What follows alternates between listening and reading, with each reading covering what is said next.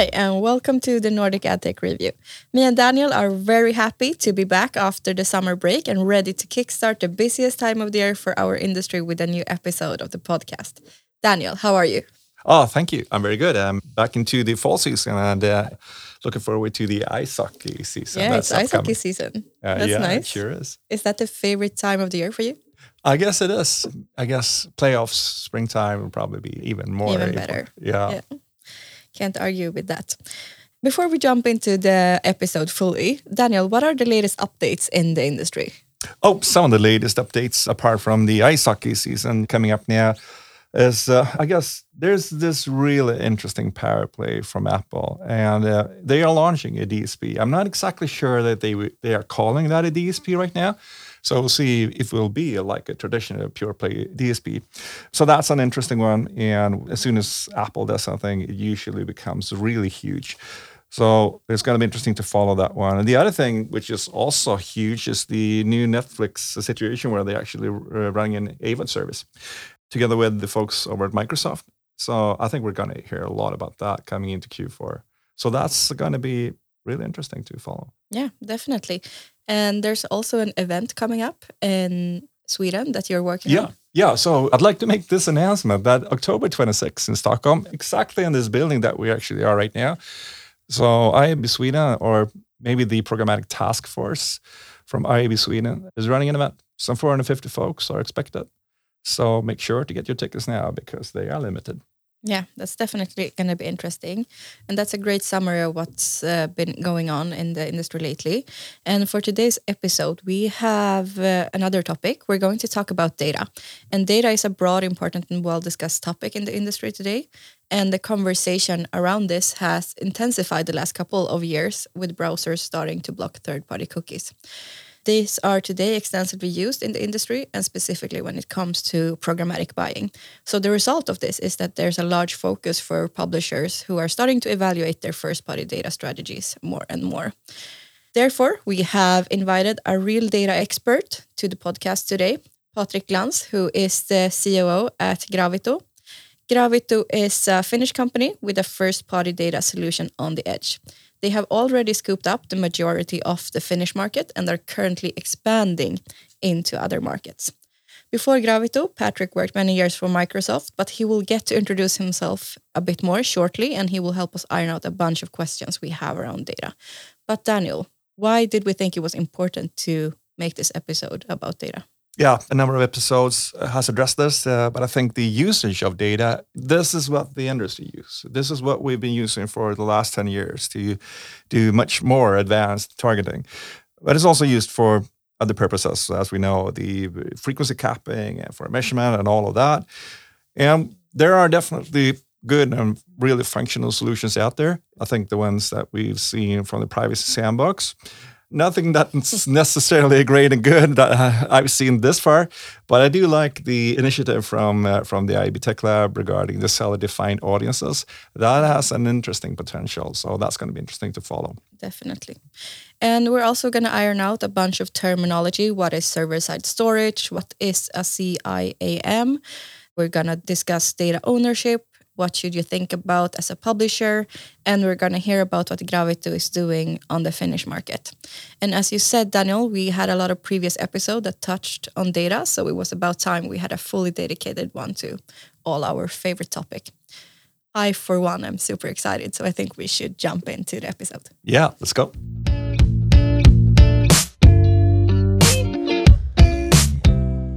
Very nice to have you here in Stockholm, Patrick. Welcome to the Nordic AdTech Review.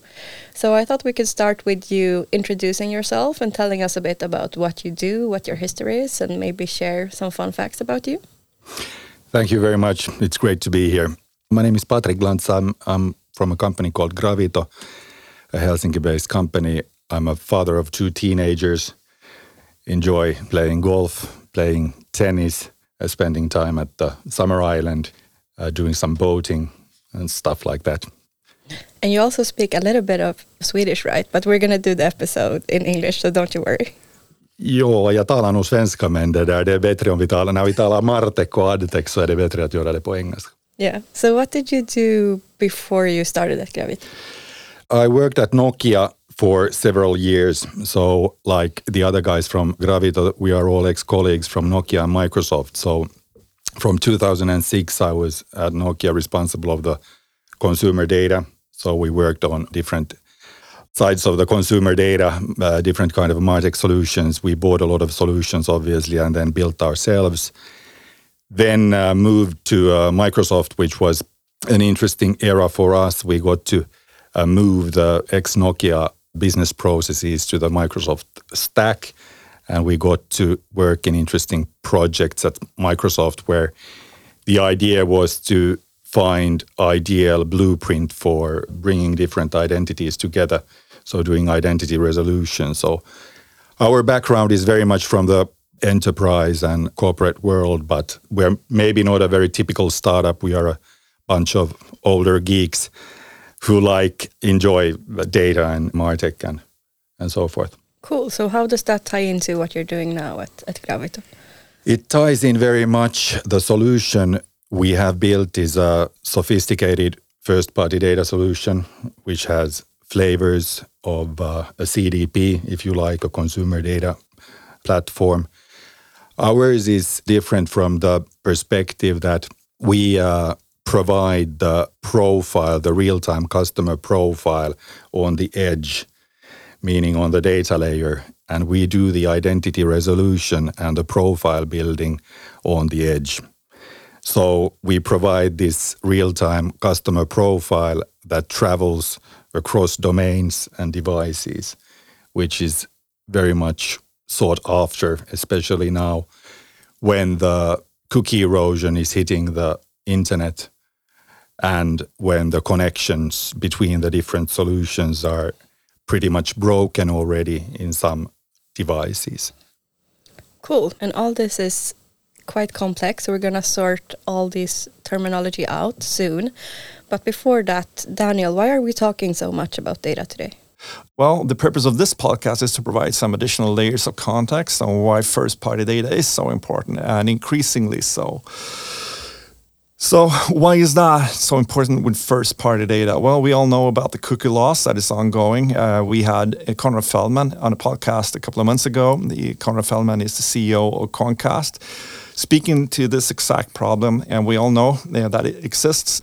What he outlined is that about half of the universe is now already not targetable uh, with any sort of advanced targeting, very much due to the movement that we've seen from the larger browsers like Safari and Firefox. The historical usage of third party cookies is mainly used to sync between technologies to be able to target more properly. It's used for retargeting purposes, for frequency and measurement capabilities and other sort of use cases where some sort of targeting will be applied.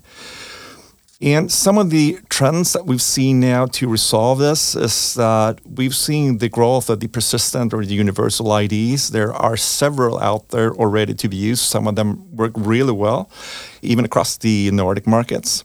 We also seen the initiatives from the Google Sandbox uh, or the Privacy Sandbox initiative.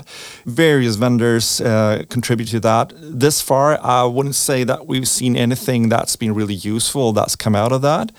I do have some hopes for what we've seen coming out of IAB Tech Lab, the seller defined audiences. It's a way for publishers to define their audiences uh, via an, uh, an, already established taxonomy that's created through the Prebid.org. This, I believe very much in actually. I think there will be opportunities for buyers to audit this. Hopefully, you won't need to bring in like the folks from PwC to make that audit. It should be easy. And lastly, of course, I think another trend is that we see rising interest from the entire community where we exist, the public. Um, privacy needs to be respected, and that's another issue that's super important here. So that's, in a nutshell, those trends that we've seen over the last years. Yeah. Like Daniel said, we see a large shift to publishers focusing on their first party data and taking back the ownership of uh, the relationship with the user. And with this comes a lot of different and new solutions. And that's why we have you on the podcast, Patrick, to help us sort out some of the new terminology that's being spoken about. So let's start about cookies. So this is what's being spoken about a lot, and with third-party cookies going away. So what is the difference between a first and a third-party cookie? Okay, well, basically, browser cookies are key value pairs of information stored on the user's computer. So technically, there is no difference between a first-party cookie and, the, and a third-party cookie. The difference comes from how they are used and how they are created. So that's probably a good reminder that the cookies are not disappearing anywhere. They will still remain. Only the use of third party cookies, meaning the age old way of tracking consumer behavior on the internet, is changing and is already broken to an extent depending on which browser you are using. Yeah. So this means a third party tech vendor can't put their cookie on a first party domain anymore. They can yeah, they can put their cookie, but the thing is that many of the browsers like Safari and Firefox for instance, they delete those cookies in max 7 days, usually within a day depending a bit of the circumstances of the browser version, etc. But anyways, those don't persist, so to speak. Okay. And so that's why new type of solutions are needed which can persist the information even though you don't have the third party cookies in place. Okay. So for example, for Safari and Firefox frequency would only work for like a day uh, today. Yes, from a day to max 7 days. Okay, cool. Something else that's talked about when it comes to storing data is server side storage. How would you compare this to storing information in a cookie? The storing information in a cookie means that you store the information on the browser and it's on the client side and uh, doesn't persist. That is the issue. So only data that is stored on the server side can persist. And that's why, for instance, our solution is built in a way that we provide a server side capability that works on the edge. So it operates on the data layer of the website, but it's served from the server side. Yeah, but if we go back a bit, you're talking about server side and client side storage. So what's the difference here and what is the pros and cons of storing things server side or client side? The big difference is that uh, you can store persistently data in larger amounts on server side. And why is that not possible then on client side? There are restrictions in terms of what you can do on the client side in terms of size. Okay, so it's the size that's the main difference? Persistence and size, yes. Okay. And when you are storing things server side, are you able to sync that between different domains or how does that work? Yes, the uh, old way of using third party cookies in operating cross domain cannot be replicated. So there is no silver bullet actually that would at the moment tackle that issue completely. But what can be done is that you can, with certain tricks, move the profile cross domain and cross device. And that's what we are doing. You can merge these different so called soft profiles that are not yet logged in profiles to the deterministic profiles that are then logged in profiles where we already know the user. So we can merge those and then we can pass this real time consumer profile across domains.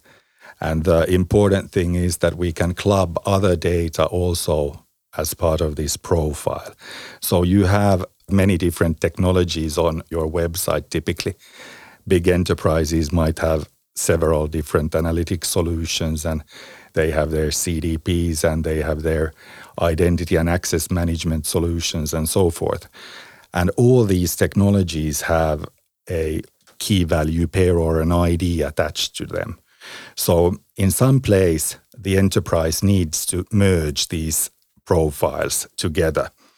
And usually it happens under the hood in a way behind the scenes in your data lake or or then the other technologies that are in the food chain let it be the DMPs or the CDPs or the likes do the matching and merging But in our case, we can do this on the fly on the edge and the data layer. So we do the identity resolution on the spot, which means that we can break these technology silos and the enterprises will get all the benefit from their investments in terms of the technologies they have in place better in use and, and harnessed.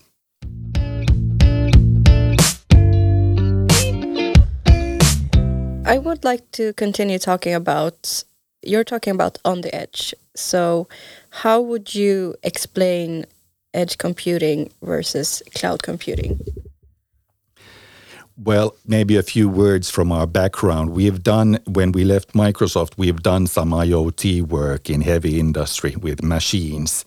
And there, usually the information from the machines need to be collected real time in order to understand like whether they are about to break or you know to understand their doings and there things happen on the edge and now if you think of the internet where it's going the trends there and the talks about the web 3.0 etc things will move towards the edge more things will happen more real time and the decisions you need to make in terms of what ads you will show or what is the next best offer, what's the next best uh, treatment for you will need to happen instantly. And at the moment, it's still happening in a way behind the scenes, usually with some latency. And the real time consumer profile with all the rich data is hardly ever in use on the touch points when it's mostly needed. So the so-called golden record of the consumer of the 360 profile usually sits in the basement and uh, it's not actionable, the data. And there's always a delay. And as said, when we interact with our favorite brands, we expect them to be very timely and accurate with their messaging, right? So that they would be custom for us and meaningful for us. But you really can't produce a meaningful message unless you know the full picture of the person. And uh, that's what we try to bring on the table and have brought on the table for many of the publishers in Finland. Okay, cool. Yeah, I want to dig into that a bit more about what you're doing on the Finnish market because you're working with a lot of the larger publishers there. But basically, what you're saying about working on the edge, as you say, is that you have shorter response times, you're closer to the data. How is the security? Is there any differences? Are there any security risks or? No, I wouldn't say security risks. Privacy is something which is very important in this space in general. And I would say that many of the new solutions that are out there that are trying to overcome the hurdles that are there now because of the cookie erosion are not dealing sufficiently when it comes to privacy. So the way we are tackling this is that we don't store any data unless there's a consent attached to it, meaning that the whole data model and the schema has been built in such a manner that we don't collect anything unless you have given a permission. And this makes it much more easier to use the data than later on in the food chain. And you don't need an army of lawyers or privacy people in the room to consult whether you can use the data or not. And uh, unfortunately, that's very often the case that you need to invest a lot of money in understanding whether you're allowed to use the data. And you have big teams in addressing these things. And partly it's probably because of the regulation and the fact that, for instance, in Europe, within EU, the regulators are, in a way, lagging behind the technology, in my opinion. The uh, technology is moving so fast that the regulators are always late, I would say. And that's why there's confusion and there's a lot of unnecessary talk about where things are going in that perspective. And when it comes to data ownership, I think that I'm a big fan of the Nordic My Data thinking. So I would love to see a world where there would be a transparent way for me to see my own data and that uh, there would be a way to see who's addressing me, who's got my data. And I'd like to see a world where the ads that I want to see from the brands I consent to can be turned on and off depending on my needs so that the industry would change from guessing what I need to me telling what I need in a transparent way. Awesome. Before we move on to speaking about what you're doing on the Finnish market, I just have some few terminology questions. So there's a lot of different solutions, and we have IAM, Identity Access Management. We have CIAM, Customer Identity and Access Management. We have CDP, which is Customer Data Platform. We also talked about CMPs. So, what are all these? Does the publisher need all of them? Can you help us sort this out? yeah, the MarTech is crazy because of all these acronyms and it's confusing, but unfortunately, many of them are needed. So the CMPs are today managing the consents. They are the annoying consent banners that we need to always press yes or no to, which are, in a way, something which I foresee will cease to exist in some near future, probably, the consents will anyways remain very important. So, one way or another, you need to ask for them. But whether they are these pop ups that are there on the pages or not remains to be seen. And I think there's more intelligent ways to gather those consents. But yeah, you need consents. Consents will be even more important going forward. So, you need a CMP, that's for sure. Then, when it comes to CDPs, CDPs have been trending during the past couple of years, consumer data platforms. They try to create this real time customer profile, what I talked about. Some of them do the identity resolution, meaning that they try to map these different IDs together as well. There are multiple different types of CDPs and many products call them CDPs, even though just because it's trendy. But whether you need it or not, I would say you need a way to have a real time customer profile if you're a publisher, because that makes your business so much better. And uh, you're able to capitalize and monetize on your data. You need to store your first party data somewhere. And natural storage for this first party data is a CDP. When it comes to a CIAM or IAM identity and access management solution or a customer identity and access management solutions, those are basically the ones that ensure the login or the access management, so to speak, you know, the paywall activity that is happening there when you provide a deterministic ID of yourself, meaning that you give your email and you sort of tell that, okay, this is Rebecca or Daniel that is the system that is used simply for registering or authenticating that look this is me. Right right. Cool. Thank you for, yeah, for clearing that up. I feel like i at least uh, learned a lot uh, uh, from your answers and sorting out all these different new names.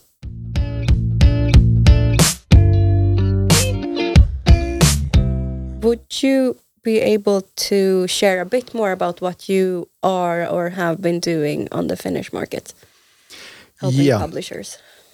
We have most of the publishers are today our customers in the Finnish market, and we have provided them with either deeper capabilities when it comes to this real time consumer profile, or then with consent management, basically. So the biggest advantages come when you use the real time profile between the different domains.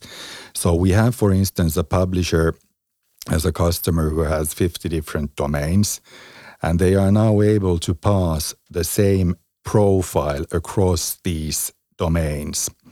And uh, this has multiple benefits when we start from providing good content to their readers in their case, it's much about giving the next best article and, and proposing quality content and keeping the readers within their domains and their publications.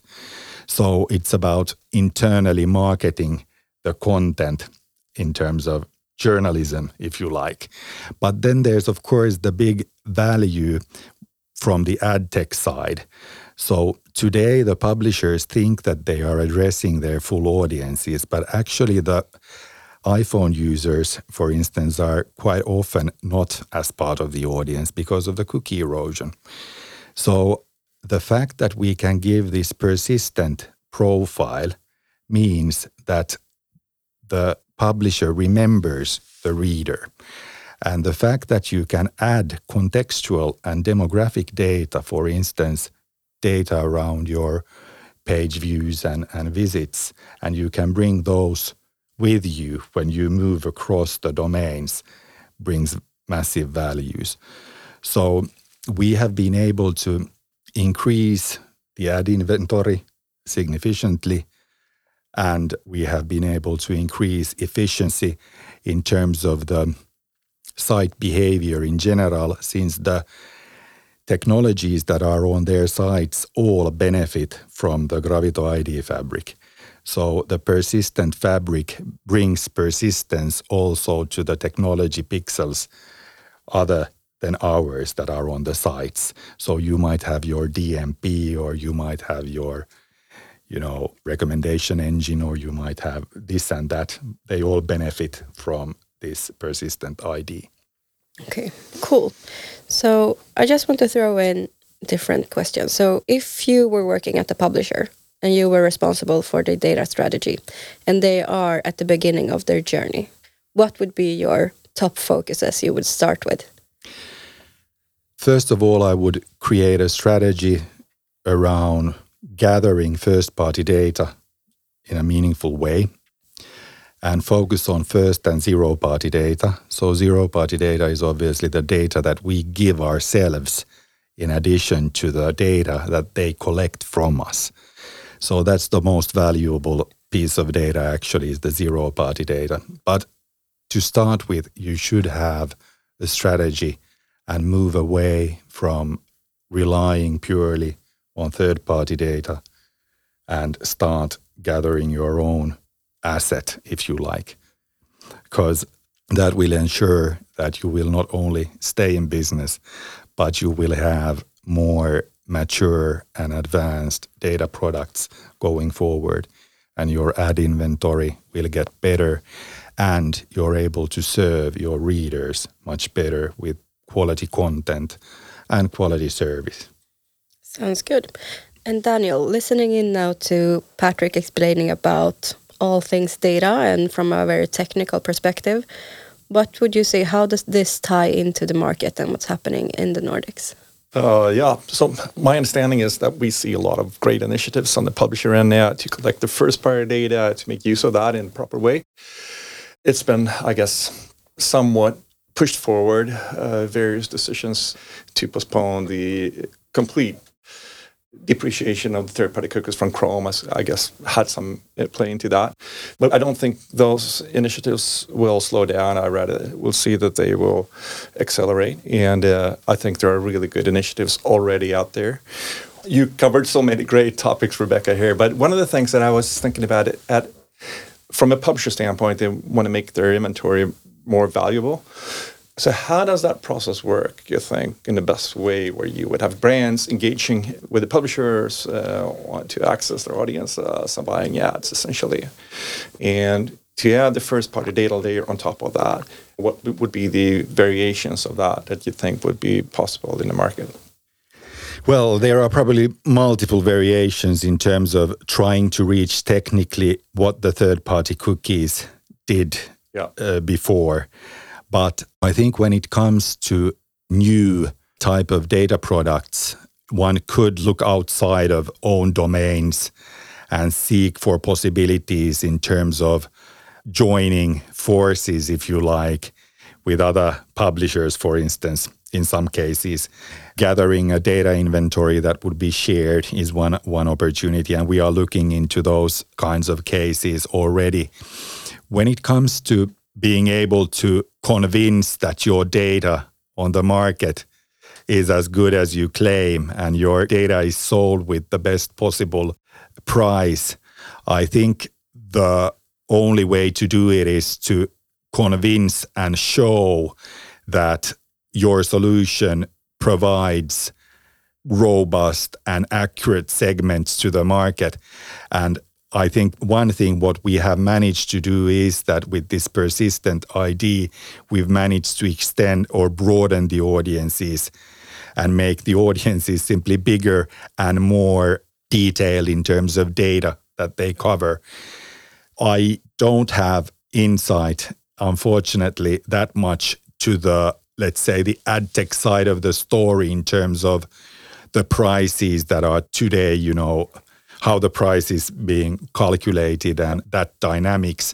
But I would assume that being able to push real time segments and profiles to the ad tech that are rich on data and that have all the uh, advertising IDs and the technology IDs bundled together, together with the consents, would surely enhance things in the end-to-end chain.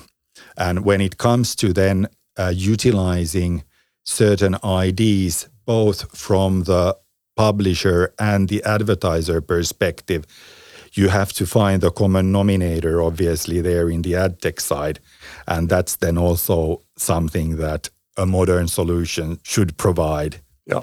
To activate data within the probably any DSP and any SSP would be completely possible today. So I think the issue this far has probably been the collection of data and making that possible to use in the legal perspective. I think that those has been some of the hurdles. But to activate the first party data, that should be fine. And to charge a premium price for that, that would be relevant. Uh, that is absolutely possible for a, for a publisher to do and agree with the buyer on. All right. So thanks for sharing all of this. I think this was super interesting, and I think there's a lot of knowledge here that is great for many of our clients and clients probably anywhere across this globe, uh, primarily Europe. And coming back to Europe a little bit and regulation, which is we spend uh, so much time with these legal issues.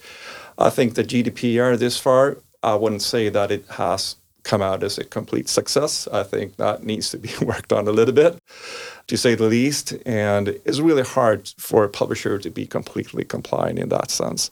That is, I guess, what we see from our end. So, but where you are right now, where your product and what you're able to provide the market, you mentioned something about that. Well, you don't need to bring in this army of legal folks and make things work. Is that really so? And have you bumped into any sort of hurdles regarding that?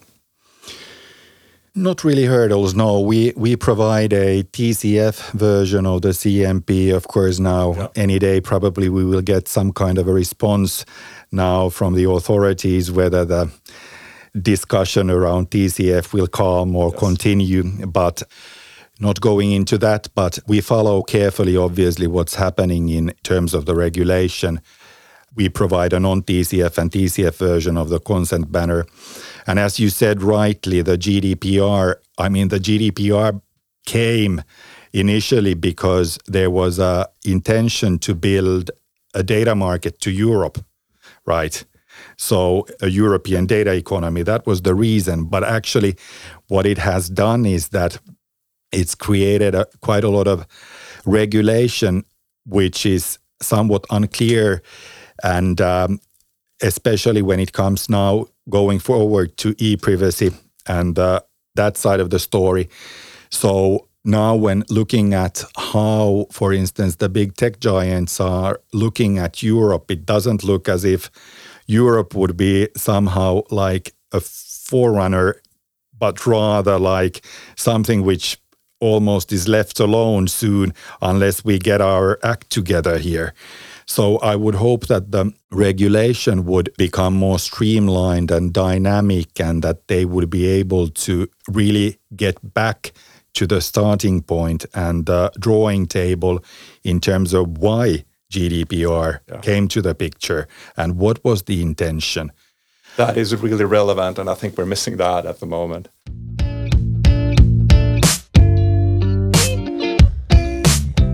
You've covered a lot of the Finnish market on the publisher side. So where are the other markets and what are the other segments that you want to move into? Obviously, this would apply to any to anyone, especially Europe, but probably outside of that as well? Yeah, that's a good question. I mean, we have very good showcases from the publisher space in Finland, as you said. And of course, it's then tempting to talk to other publishers outside of Finland, for instance, in the Nordics and in Europe. Of course, the benefit of having a persistent profile on the edge is something that gives a lot of benefits also to, for instance, the e commerce platforms or the CDPs out there or to work together with the CDPs. To work together. Yeah. And we don't see ourselves as competitors as such to any of the existing technologies. We see us more as a fabric that is easy to implement and makes your tech stack work better and gives you really good grounds to build a first party data strategy. So, what's the average implementation time? Well, it's basically a day. Right. So, so, so it's a one script implementation and uh, it requires some minor DNS changes, but those are done within an hour or two. Yep. And you see the results within a week max. So you can see the persistence kicking in in the badly behaving browsers or the privacy conscious browsers. and uh, you can see that your audiences are getting bigger. You can see that your technologies are doing better. And uh, we, of course, provide our customers with the best practices in terms of the implementations and the use of the key ring that is inbuilt there, which brings together the different technologies. And then, of course, this match on ID capability, we provide you with sample scripts and uh, so that you get the full benefit out of the solution, dependless on where you are with your own journey when it comes right. to data and technologies. And in three years, what do you think? Well, in three years, I hope that we have extended the capability to the bigger markets in Europe and we have showcases from various different segments, from publishers to advertisers to, to different tech partnerships. And uh, hopefully, we will then be, say, triple in size and doing good. All right. Okay. Okay, cool. But before we round off with everything we talked about and all the changes that are happening, Patrick, do you think there are any winners or losers in this? Well, there's always winners and losers for sure, but I don't think that actually there's going to be a single solution that will be the winning one. I think there's going to be multiple ways of doing things going forward. And um, as said, there's no silver bullet to sort of replace the third party cookie when it comes to tracking. But at the same time, I do know that one thing is for sure you need to get a solution that can manage the different identities and you need to get a solution that manages properly the privacy because those are the ones two areas that will certainly no matter what the big boys are doing those need to be addressed and um, as said the cookie isn't going anywhere the websites will be full of different cookies and pixels and uh, technology IDs. But I do strongly believe that things will move closer to the edge. I think that the decisions and the treatments are coming closer from the edge.